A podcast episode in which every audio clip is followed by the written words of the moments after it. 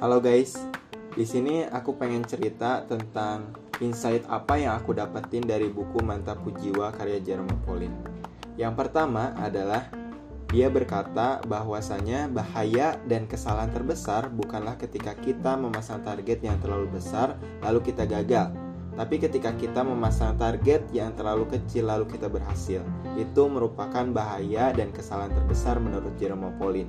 Lalu yang kedua, dia berkata, 1% jenius, 99% adalah kerja keras. Lalu yang ketiga adalah, it doesn't matter how slowly you go as long as you do not stop. Jadi nggak penting kalau misalnya kamu berprogres secara lambat, asalkan kamu tetap berprogres tanpa berhenti. Oke, cukup sekian. Terima kasih. I'll.